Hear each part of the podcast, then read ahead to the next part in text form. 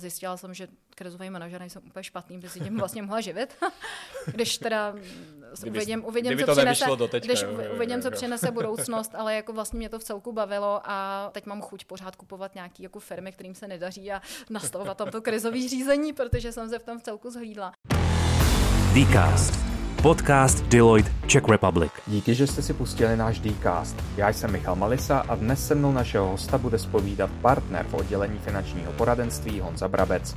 Před dvěma dekádami si mohla při vysoké škole dovolit pouze cestování stopem a sdílenou ubytovnu.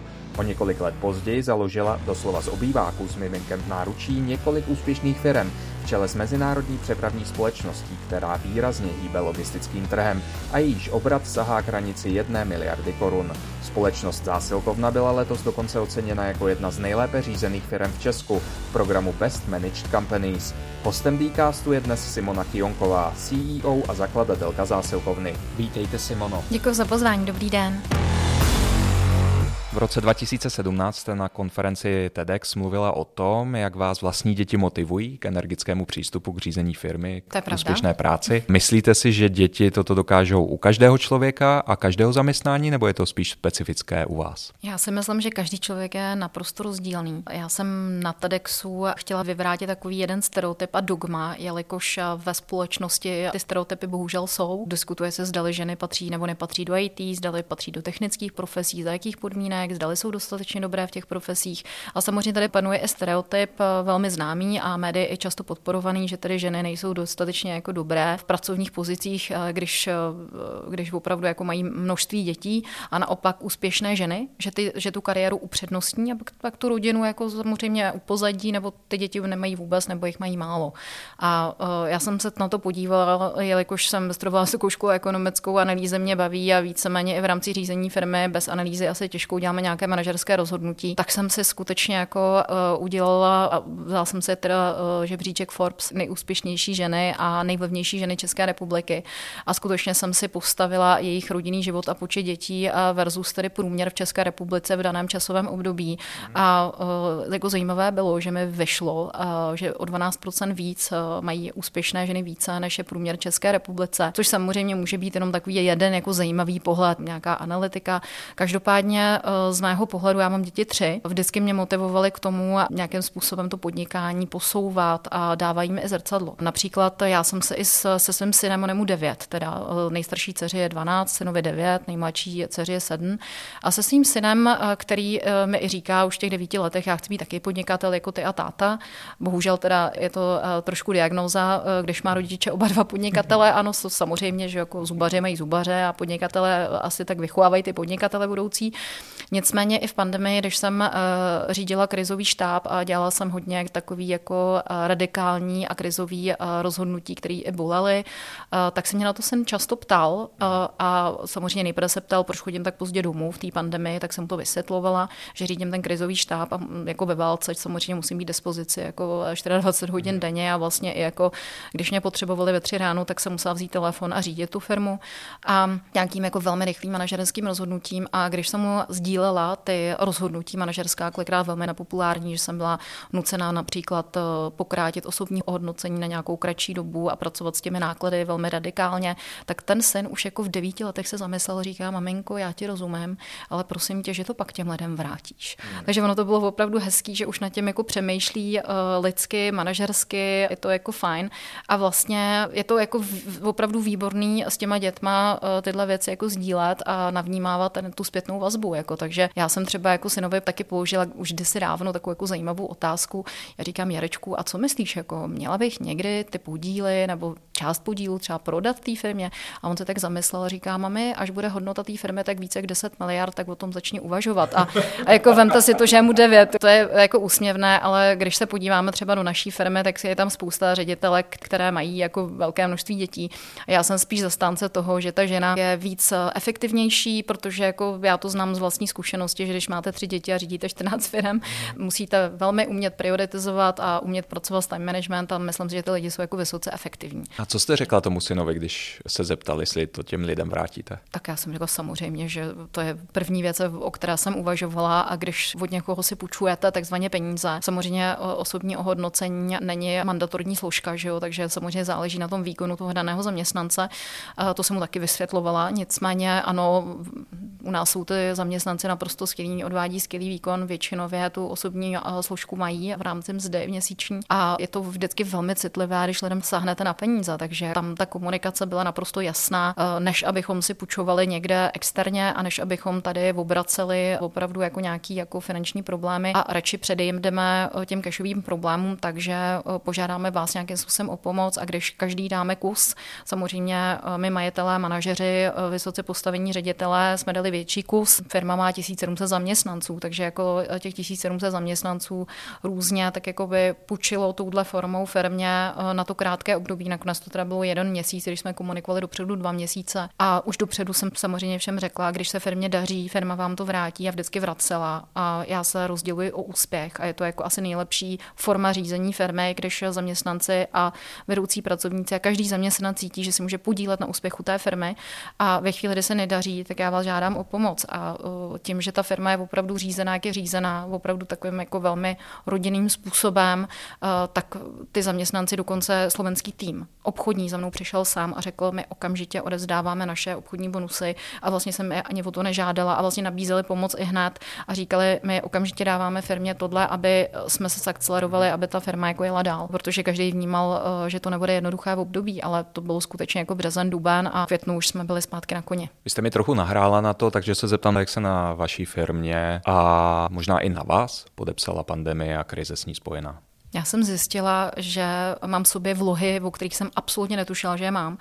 Protože kdybyste se mě zeptal v únoru, jestli jsem dobrý krizový manažer, tak bych řekla, hele, já a krizový manažer, jako nemám s tím zkušenost, nemyslím si to. Lidi mě spíš označují za lídra. Já se vůbec ani neoznačuju za manažera nebo za ředitele, ale spíš za toho lídra. Já jsem takový ten trenér, který roztleskává ten tým, který má vyhrát tu olympiádu. Takhle, takhle bych se spíš jako vnímala. V rámci krizového řízení na roven, já jsem s tím nikdy neměla žádnou zkušenost. Já jsem nikdy krizové řízení nedělala. Jako člověk si samozřejmě dokáže představit, co to obnáší, ale najednou jako jste do toho hozený rovnýma nohama a rukama a vás někdo hodí do té vody a vy musíte najednou plavat, byť plavat vlastně neumíte. A jenom tušíte vlastně ty tempa takzvaně. 12. třetí bylo eh, vládou vyhlášeno, že tady eh, děti eh, nesmí do základní střední škol a že tady jako nesmí do škol. A to jsem okamžitě zřídila teda dětskou skupinu jako na všech jako pracovištích, kde to bylo možné, aby jsem eliminovala teda jednak takovou tu situaci, že eh, seniori budou hlídat dětí našich zaměstnanců, nebo že naši zaměstnanci se 50%, my máme na firmě snad asi 800 dětí jako dohromady, tak jsme to rozdělili po těch jednotlivých pracovištích, kde jsme měli ty opravdu pracovní skupiny. Okamžitě jsme stáhli, my jsme tomu říkali tety, ale jako učitelky ze školy zase neměli najednou práci, že jo? A tak jsme tak jako rychle opravdu přes noc zřídili eh, dětský skupiny skupiny pro zaměstnance, jenže ono to trvalo jenom pár dní, protože my jsme netušili, my jsme nedokázali předvídat ty kroky vlády, že jo, takže jsme nevěděli, že teda to bude mít takový rychlý spát. Takže dětské skupiny takovým způsobem fungovaly skutečně jenom čtyři dny a pak jsem stejně po čtyřech dnech celou firmu uvedla na home office. Zavedli jsme okamžitě všechno jako bezhotovostně a kolegové, kteří museli být jako v tom krizovém řízení, se mnou zůstal jenom krizový štáb, ten čítal nějakých 17 lidí a jenom krizový štáb jsme zůstali a ty si představte, to bylo jak kanceláře duchů, jo. Teď si vemte, že jako tam běžně běhá 200 lidí a najednou tam bylo prostě jenom 17 lidí ve všech kancelářích. Pouze zůstali kolegové, kteří byli nezbytně nutní pro udržení infrastruktury v první linii, to znamená skladníci, provozní lidi a řidiči. Vy jste říkala, že jste se naučila nebo jste zjistila, že zvládnete i krizový management. Je to tak, že jste svoje zkušenosti dokázal nějak adaptovat nebo vás vlastně někdo přivedl k něčemu úplně novému? Jak to vlastně vypadalo? Co to bylo? Já si myslím, že jsem uh, trošku vytrénovaná tím vlastním životním příběhem, tím, že jsem skutečně v tom životě zažila jako vzlety pády a uh, do svých jako 21 let jsem opravdu měla takovou školu života, vydalo by to na takový jeden velmi smutný příběh. Zažila jsem bezdomovectví jako v, do těch 21 let. Skutečně jsem jezdila tím stopem, jak jste říkal na začátku, a jako ten život nebyl jednoduchý, jo, protože opravdu pocházím ze sociálně slabé rodiny a vydělávala jsem si například na dostudování vysokých škol, takže jsem skutečně jako vždycky, když jsem nebyla ve škole, jsem byla v práci, takže já jsem třeba vůbec neznala studentský život, takže se všichni šli pařet na koleji a já jsem teda musela do práce, jo, já jsem většinou dělala noční. Takže eh, tímhle jsem jako vytrénovaná, takže vlastně jsem se jako zabejčila a řekla jsem tak, sice jako nevíme, co bude zítra, protože jsme nedokázali předvídat rozhodnutí vlády, vlády, ale řekli jsme dobře, my se prostě té situaci nějak postavíme. A pro mě já jsem viděla jeden jediný cíl. A vlastně ne jako zachránit firmu, ale zachránit ty zaměstnance, protože najednou tam vidíte těch 1700 rodin, který vlastně jako eh, se na vás spolíhají, spolíháte 800 dětí, že spolíháte prostě na to, že dostanou pravidelný příjem, že opravdu jsou závislí nějak na té firmě. A to je první, co já jsem měla v očích a vůbec na mysli, když se to stalo. Jsem říkala tak a teď já musím dělat taková rozhodnutí, abych udržela zaměstnanost, abych udržela příjem těch lidí, abych prostě nemusela vůbec jako krátit někomu úvazky, abych nemusela vyhazovat, abych nemusela, aby nemuselo vůbec dojít k plošnému vyhazování, jo, nebo eliminace těch pracovních míst. Tak to byl můj základ, takový vnitřní nastavení. A já jsem se jako uvedla do takového válečního režimu. Kolem kulatého stolu v jednačce jsme vlastně se postavili celý ten krizový štáb. A skutečně jsme ty rozhodnutí dělali z minuty na minutu. My jsme tam měli obrovskou obrazovku, kde nám neustále běžely tiskové konference z vlády, jsme byli i napojení přes asociace i napřímo vlastně na vládní kontakty, na government a zjišťovali jsme, jaký budou další potenciálně kroky. A ono většinou těch kroků, protože samozřejmě ten krizový štáb měla i vláda, takže oni se taky rozhodovali, co dál, jak to bude, co zavřou, co nezavřou, jaký téma, jestli zavřou kadeřnictví, nezavřou. My jsme čerpali ty informace z vlády a my jsme si připravovali scénáře. Takže u nás to vypadalo tak, že v rámci toho krizového štábu jsme tam takhle měli jako uh, flipcharty tabule, byli jsme rozděleni na týmy a každý tým pracoval na jiném scénáři. Jo, a za navzájem jsme si sdíleli informace. A tohle všechno jsem řídila. Jsem říkala, dobře, vy máte červený eh, praporek, to znamená totální blackout, když bude, to znamená zavře vláda všechno. Vy máte oranžový praporek, to bude, když vláda zavře jenom některé provozy. Zelený praporek bude jiný typ provozu, když zavřou. A teď jsme to takhle jako řídili. Kluci v IT, tam 55 lidí v IT, tak ty opravdu nespali ty jeli, ty tam spali ve spacácích a opravdu programovali ty věci, tak jako my nahoře jsme udělali rozhodnutí v pátém patře a přízemí, kde nám sedí IT, tak eh, tam kolegové teda taky zůstali s náma v rámci, jako ne, nebyli součástí krizového štábu, ale vlastně celý IT zůstalo s náma v kancelářích. Oni separátně v přízemí, my nahoře v pátém patře a vlastně přes Teamsy eh, jsme komunikovali ty změny, jo, takže to bylo takový, a pak jsme měli takovou rychlou spojku, která běhala mezi přízemím a pátým patrem, ale bylo to fakt jako krásné. Ten se nejvíc nachodil. Tak my tam máme výtah, takže se zase tak moc jako nenaběhala spojka a nás to hrozně semklo, nabudilo. A vy jste vlastně jako zjistili, že v tom, eh, že v té firmě máte naprosto úžasní lidi. Ono najednou, já jsem na ně koukala a ono vlastně vypadalo, že je to hrozně baví. A uh, ta krize nastartovala prostě takový úplně jinou attitude. Jako ty lidi najednou se tak jako úplně, úplně semkli a najednou jako tak rychle naprogramované věci, které normálně by trvaly dva měsíce a my je naprogramovali přes noc. Hmm. Jakože uvedli jsme šest zemí, pozor, šest zemí, prosím vás, jo. A to není jako malá firma, nebo v Maďarsku my máme třeba jako 200 zaměstnanců, jo. A e, jako jsme poměrně i jako velká firma v Maďarsku a my jsme dokázali šest zemí přes noc uvízt do bezhotovostního režimu. No to prostě, to jsem i já sama zírala, že jsme to opravdu jako dokázali takhle rychle, takhle dobře a samozřejmě pak tam seděl komunikační tým, takže jako tiskový odbor, jako tiskový mluvčí, veškerý marketing a teď jako těm jsem říkala, teď musíte komunikovat dovnitř do firmy, externě, do, na média, vy, vy komunikujete na vládu. A teď vlastně, teď jsme to tak jako takhle jako řídili. Já jsem si připadala opravdu, že mám tu čepici toho generála a že vlastně jenom říkám, obětujeme pravé křídlo, obětujeme levé křídlo a jdeme napřed, jo, a prostě ale přebrodíme, přebrodíme řeku teď. A tak bylo to takový, jako takhle vlastně s odstupem času je to úsměvné, ale vy si vlastně nepřipouštíte prohru, že když jako jedete v tomhle režimu, tak jedete takovým způsobem, že vlastně jenom máte ty cíle, že na, na, vždycky se namalujete ty cíle cíle ráno a přes den je třeba škrtáte nebo upravujete a opravdu a jedete podle těch jednotlivých cílů a opravdu všichni ví, co mají dělat. Protože lidi nemohli moc nakupovat osobně, tak začali všechno řešit online a na dálku. Pomohlo vám to? Samozřejmě ta e-commerce narostla mnohem, mnohem více a tušíme, že to bude něco kolem 150 miliard obratu za ten rok 2020 a ten trend jakoby eh, si pořád držíme v rámci e-commerce, takže eh, ty lidé, kteří už jako nenakupovali, ale začali nakupovat na onlineu, tak u toho onlineu částečně zůstali, takže samozřejmě ty čísla uh, jsou i za celou e-commerce jako velmi dobrá. A za nás, když se podívám, když se teď, když teď pomenu opravdu ty první týdny, které byly jako v celku nestandardní, standardní.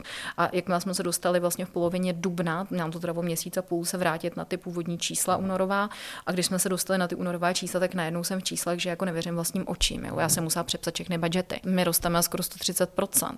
A v červnu jsme rostli přes 140. My jsme loni za rok 2019 měli 1,3 miliardy jako skupina obratu. Ale teď eh, se dostaneme vlastně jako podle mých plánů na 2,6 miliardy v roce 2020, což jako celkem jako slušný výkon. To je krásný růst. Zatím tak, jak jsem to počítala, tak se na to jako s největší pravděpodobností teď dostaneme. Simono, vy jste byli letos zařazený do eh, programu Czech Best Managed Companies a byli jste zvoleni jako firma, která je jedna z nejlíp řízených v této zemi. Spousta firm určitě eh, vyhrála, protože má správnou strategii, správnou firemní strategii. Eh, když byste měla vybrat jeden, a asi to bude těžký, ale jeden důvod, proč vy jste ta Best Managed Company, tak je to kvůli tomu krizovému managementu, kvůli tomu, jak rostete, nebo jaký je ten důvod, proč jste tak dobře řízený? Já myslím, že to bude asi kombinace udržení a ukaučování zjednodušování toho managementu a vůbec řízení lidí v rámci toho extrémně rychlého uh, růstu. Ono je jako udržet kvalitu, kvalitní procesy a vůbec jako řídit tu firmu kvalitně uh, a k uspokojení zákazníků, zaměstnanců a vlastně všech těch jako skupin, které kolem té firmy jsou, s ohledem na ten extrémně rychlý růst, tak tam si myslím, že asi základní jako vlastně výjimečnost eh, pakety zásilkovny jako takové. Protože nemáte v České republice moc firm, které by jako teď rostly o víc než 140 u toho neustále uvádíte na trh nové produkty, nové projekty, protože nám se jako zase narodilo jako teď velké množství projektů, které teď budeme uvádět na trh, protože se nám v krizi narodily naprosto úžasné věci a já se na to velmi těším, až to uh, uvedeme na trh. To je vlastně asi definice, definice toho úspěchu, že opravdu dokážete uh, v rámci rychlého růstu uřídit firmu, takže jsou ty zaměstnanci spokojení, uh, vedoucí pracovníci namotivovaní, zákazníci jsou spokojení jako s produktama, to, jak to funguje, samozřejmě nejste nikdy dokonalí dokonalý. Jo. To je nutno říct, že my se ani se nesnažíme o dokonalost, protože jako stoprocentní nebylo a nebude nikdy nic, ale dejme tomu, že ne stoprocentní, ale chceme jet na 98% a víc třeba, jo, takže to je naše meta a na to jako jedeme, jo, takže 98% kvality a víc. A uh, tohle udržet si myslím, že jako není úplně jednoduché zadání, hlavně ono to něco stojí, jo, takže tím, že já jsem vlastně nejenom jako ředitel, zároveň jsem ten majitel, takže mi na tom hrozně záleží. A já dělám rozhodnutí, který bolí finančně, ale na druhou stranu dokážu ukočírovat sledovat vlastně uh, tu kvalitu a ten vysoký růst. Protože vy si musíte vybrat. Jo?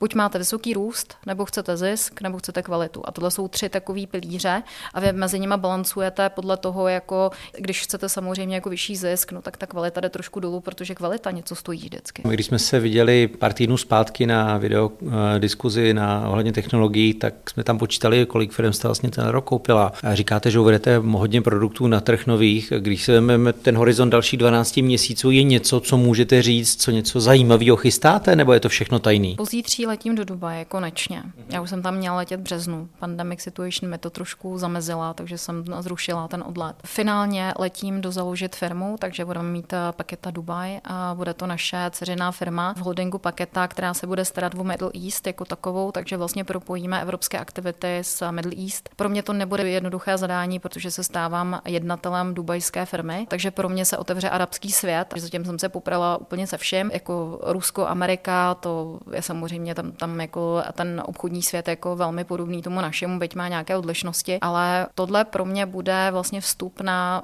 pro mě zatím neobdělanou, nesoranou půdu. Já se na to jednak jako strašně těším, ale vstupuju tam s obrovskou pokorou, protože vím, že ten svět je jiný a je, je potřeba nejprve asi nastudovat zákazníka, je potřeba velmi pokorně přistupovat do všech jednání a neustále se učit a učit a říkám, asi nejdůležitější slovo je ta pokora. Takže já se na to těším, až tady narosteme v tomhle regionu a věřím tomu, že tam narosteme, že tam jako nevstupuju nebo nevstupujeme tam jako stoprocentně jako evropská firma, ale jdeme tam do partnerství vlastně jakoby s místním, tam je to i ukotvené v legislativě teda nakonec, takže my jdeme samozřejmě jako na 50% s arabským partnerem. Samozřejmě uh, už něco jako víme, protože nezakládáme na zelené louce a uh, už známe, jaké jsou tam uh, díry na trhu a do jakého projektu se jako vložíme a jakým způsobem budeme na Middle East pracovat. Tam je jako velmi zajímavé, že uh, stejně tak jako v Ázii, tak uh, všichni arabští zákazníci nebo zákazník Middle East, tak oni odložili počítače a opravdu všechno řeší ze 100% přes mobile devices, což je jako velmi zajímavý. Takže pokud nejste mobilní, pokud nemáte mobilní aplikace, tak tam těžko ten biznes můžete dělat. Takže to je asi takový základní poučení jako pro vstup jako do, do tohoto regionu. A pak druhá hned věc jako zápětí, která jde ta pokora. Samozřejmě těch produktů, které budeme uvádět na trh, je celá řada. Já se hodně těším na automatizovaná výdejní místa. To je projekt, který, ano, my jsme si ho vesnili už před pandemí, ale vlastně v té pandemii jsme se pouze utvrdili v tom, že ty naše myšlenky, které jsme měli už jako na konci roku 2019, a my jsme tady ten projekt zařadili do projektového plánu a to je i důvod, proč jsem lítala celý podzem po světě a hledala jsem hodné řešení. My jsme si vlastně nakoupili hardware a ještě si montujeme hardware a software máme čistě vlastní, takže ono je to vlastně jako naše vlastní řešení. A přineseme na trh něco, co tady ještě nebylo a myslím si, že ten trh se má na co těšit. My se celkově jako vyvíjíme, veškerý no. naše, máme vlastně informační systém, ono hodně nás jako veřejnost vnímá, jako jsme ta logistická firma, ale my vnitřně jsme eh, technologové. My jako jsme technologická firma nastavením, řízením a to je možná i jako doplněk k tomu, jak jste se mě ptal, eh, eh, proč jsme se umístili jako dobře řízená firma, možná jsme IT driven. My když si vymyslíme projekt, tak pokud eh, to nenaprogramujeme nebo si řekneme, že eh, tomu nedáváme IT prioritu, tak to prostě vůbec ani neuvažujeme, že bychom tam dělali nějakou škrapku na brambory. My se tady bavíme o velkém růstu, o rychlém růstu, desítky firm byly nakoupeny. Jak to, Simono, zvládáte z hlediska financování? Samozřejmě část jde z vlastních zdrojů, asi jsou tam, no určitě jsou tam nějaké úvěry. Kdy se ta, ta, ta bankovní vůle financovat tu expanzi zastaví kvůli poměru expanze versus eh, dostávání se do kladných čísel a jestli není ten správný čas se dívat i na jiné produkty než třeba bankovní úvěry a, a směřují do kapitálových trhů. Co se týká vůbec finanční páky, tak my ji eh, velmi špatně využíváme, protože my vlastně zauvěrovaný vůbec nejsme v současné chvíli. Je to divné, ale my vlastně jediný úvěr, který jako máme, tak eh, máme na Slovensku, protože jsme koupili vlastní pozemek, eh, výborný, teda výborně jsme ho koupili v Bratislavě, kde máme depo, naše, jeden z našich hubů, že těch hubů máme několik, takže to je opravdu jako náš vlastní pozemek na Rakou rakousko-maďarsko-slovenské hranici a to je jediný náš úvěr a tam má slovenská firma. A když vezmeme holding a když vezmeme českou firmu, která je, je ve velmi jako dobré finanční kondici, a tak de facto žádný takový úvěr nemá na sobě aktuálně. Pouze jsme s, občas tak jako tancujeme s našima bankama, jestli konto korent potřebujeme nebo nepotřebujeme, ale to je čistě jako drobná provozní záležitost. My finanční páku vůbec nevyužíváme. Možná je to jako špatně, každopádně zatím to máme spíš jako nastavené tak, že ty vlastní peníze jsou pro nás levné, levnější, tím, že firma má velmi dobrou kondici a chceme jít, ono víte co, jako když chcete nakupovat firmy a ty firmy nemají dobrou kondici, třeba nebo jsou to startupy, tak na to vám ta banka za stolik jako nerada půjčuje. Jo. Ona samozřejmě ráda zafinancuje firmu v dobré kondici, jako je paketa. Ale pokud jako kupuju startup, který je minus minus, velký červený minus už dva roky a já se rozhodnu ho koupit, protože tomu věřím a protože vím, že se energicky ho dokážu nastartovat, tak na to vám horko těžko někdo půjčí, takže tohle financujeme z vlastních zdrojů. Takže my vlastně všechny firmy, které jsme kupovali, tak financujeme z vlastních zdrojů. Co bude do budoucna, plánujeme automatizaci DEP a provozů, tak tam koketujeme, že tedy budeme financovat třetí stranou a tam už se samozřejmě nabízí konečně využívání finanční páky naplno. A samozřejmě, kdyby došlo například nějakému nákupu pozemku nebo nějaké nemovitosti, tak tam zase bychom si asi jako požádali o nějaké financování finančním ústavem. My vlastně ještě nejsme v kroku dvě. Okay. Takže až se dostaneme za krok dvě a dostaneme se do úrovně, kterou vlastně jste zmiňoval, tak možná někdy začneme eh, koketovat eh, s, s nějakou možností financování přes bondy, ale třeba k takovému financování by dospěla já, kdybych se rozhodla třeba překupovat podíly, tak jako mhm. tam asi bych o tom třeba já osobně jako uvažovala, ale jako do budoucna, jako říkám, zvonkohra budoucnosti. No, expandovat formou equity nebo prostřednictvím equity je ta nejdražší záležitost, zároveň i v dnešní době se projevuje jako nejbezpečnější, takže gratuluju, že ta páka tam není. Nicméně, pokud tahle ta krize nějak přestane, tak určitě je to něco, co by jako z hlediska finančního managementu Paketa Group eh, měla. Ona měla se ty banky rvou jak, vo, jak basketbalský pes, jo, protože my jsme opravdu tím, jak jsme ustáli jako jedna z mála tu pandemii uh, velmi dobře a vlastně ještě my máme ty čísla ještě lepší než před pandemí, mm-hmm. tak samozřejmě ty banky nás vidí, oni vidí všechny naše čísla, my, my používáme všechny banky. Na obchodních schůzkách, co vás inspiruje nebo co vás zaujme na člověku a co vás zase odradí? Na první pohled určitě příjemné vystupování úsně v otevřené férové jednání. A to jsem se naučila v Americe. Já jsem v Americe žila 8 měsíců. Řekla bych, že opravdu v Americe mě bylo hrozně dobře tím, že každé to jednání bylo takové velmi přátelské už úvodu. Ono samozřejmě pak poznáte, když tam žijete díl, že je to spíš jako face, že je to spíš takový, eh, takový postavení těch jednotlivých jako partnerů, eh, že samozřejmě eh, v Azii třeba se až leknete při té první vteřině úvodní s tím partnerem a pak vlastně uvidíte, že ten partner na, na druhé konci stolu je vlastně upřímnější než ten Američan. Jo. Ale to vám chvilku trvá rozpoznat ty jednotlivé charakteristiky těch jednotlivých lidí a je to samozřejmě země od země. Ale když to tak jako schrnu obecně, tak já mám skutečně ráda jako velmi otevřené jednání, férový přístup. Pro mě vlastně ta férovost, já to dávám na první místo, protože já vstupuji do všech jednání velmi férově. Hodně se na tom zakládám a partneři mě tak i jako vnímají a považují mě za hodně férového člověka. Takže já když řeknu A, tak prostě u mě bude A. Jenom pak, když se domluvíme na jiných podmínkách, dobře, tak musí to být oboustranně odsouhlasené, nedělám žádný hry, ani kličky, ani háčky, jdu jako zpřímá do toho jednání, nevařím prostě jako někde, někde kraba, aby jako na konci jste vlastně zjistili, že jste uvařený a na začátku jste měl pocit, že se spolu koupeme jenom, tak tohle já nemám ráda a já jdu hned jako k jádru pudla, to znamená, když opravdu chci, aby jsme spolu ten biznes udělali, tak eh, jak říkám, zpočátku si nastuduju, co vlastně je váš problém a snažím se vyřešit váš problém, ne můj. Chci se snažit každému pomoct. A tím, že vlastně jako uh, si nastuduju třeba i čísla té firmy a vím, že mají s něčím problém nebo uh, mají problémy uh, v rámci expanze na nějakou konkrétní zemi, tak už přijdu s nějakým řešením a my jsou vždycky překvapený, jako že wow, vy tohle víte a, a já přinesu to řešení a oni jsou hrozně šťastní. Jo. Nebo jim třeba řeknu nějakou informaci, která je pro ně cená. Jo, že se třeba mění evropská legislativa, oni to neví a pro ně to je hrozně cený. Jako jo. Když jim řeknete, teď se za rok změní legislativa tím a tímhle způsobem, buďte na to připravený a já vám rovnou nabízím řešení a oni wow, no super, skvělý. A co mě vadí, tak je určitě flash. Partner, který mě jednou zradí, tak mě zradí jenom jednou. To znamená, když vstupuji do nějakého jednání a jdu opravdu jako s takovým tím fair play očekáváním a ten partner uh, buď jako skutečně nehraje fair a vy to zjistíte, že prostě na vás hraje nějaký hry nebo vynese informace, jo, že vlastně si domluvíte s ním na ceně a on jde ke konkurence, teď řekne tu cenu konkurence, takový klasický, že jo, anebo uh, skutečně vynáší informace nebo opravdu nejedná fair, tak já ukončuju s takovými lidmi jednání a vlastně to nezajímá takový biznes, protože radši si budu vybírat jako kvalitní fair partnery a bude vám dobře v tom podnikání, než abyste nespal a budil se hrůzou z toho, co se zase poděje tady s tím partnerem. A vlastně to platí jako obecně v mém životě. Že jako já vlastně tohle pravidlo mám i v osobním životě, mám ho u zaměstnanců, mám ho u řídících pracovníků a, a mám ho u těch jako obchodních partnerů i franchisantů. Takže jako dokavať uh, jednáte fair, tak já vám opravdu dám obrovskou podporu a hodně vám budu pomáhat a budu vás držet. A ve chvíli, kdy opravdu zjistím, že nejednáte fair, tak běžte z kula ven a běžte si nefér jednat s někým jiným. Vy zmiňujete ten detox docela e, často. Fakt je to tedy tak, že měsíc jste jako offline úplně. Fakt offline, no. jakože samozřejmě, když jako začne něco hořet, tak buď se s tím poraděj, většinou se poraděj a já odjíždím právě v tom červenci. A ten červenec s tím, že máme nejslabší měsíc a berou si dovolený i ostatní ředitelé, tak a, už, a my se vlastně přepíráme celá firma do takového udržovacího modu. Tak znáte to, jako když se představíte informační systém. Je ten informační systém jako nemůže běhat prostě 365 dní a 24 hodin jako naplno. Taky potřebujete prostě revizi toho informačního systému a potřebujete ho někde jako upgradeovat, vypnout, jako udělat release, whatever. Jako.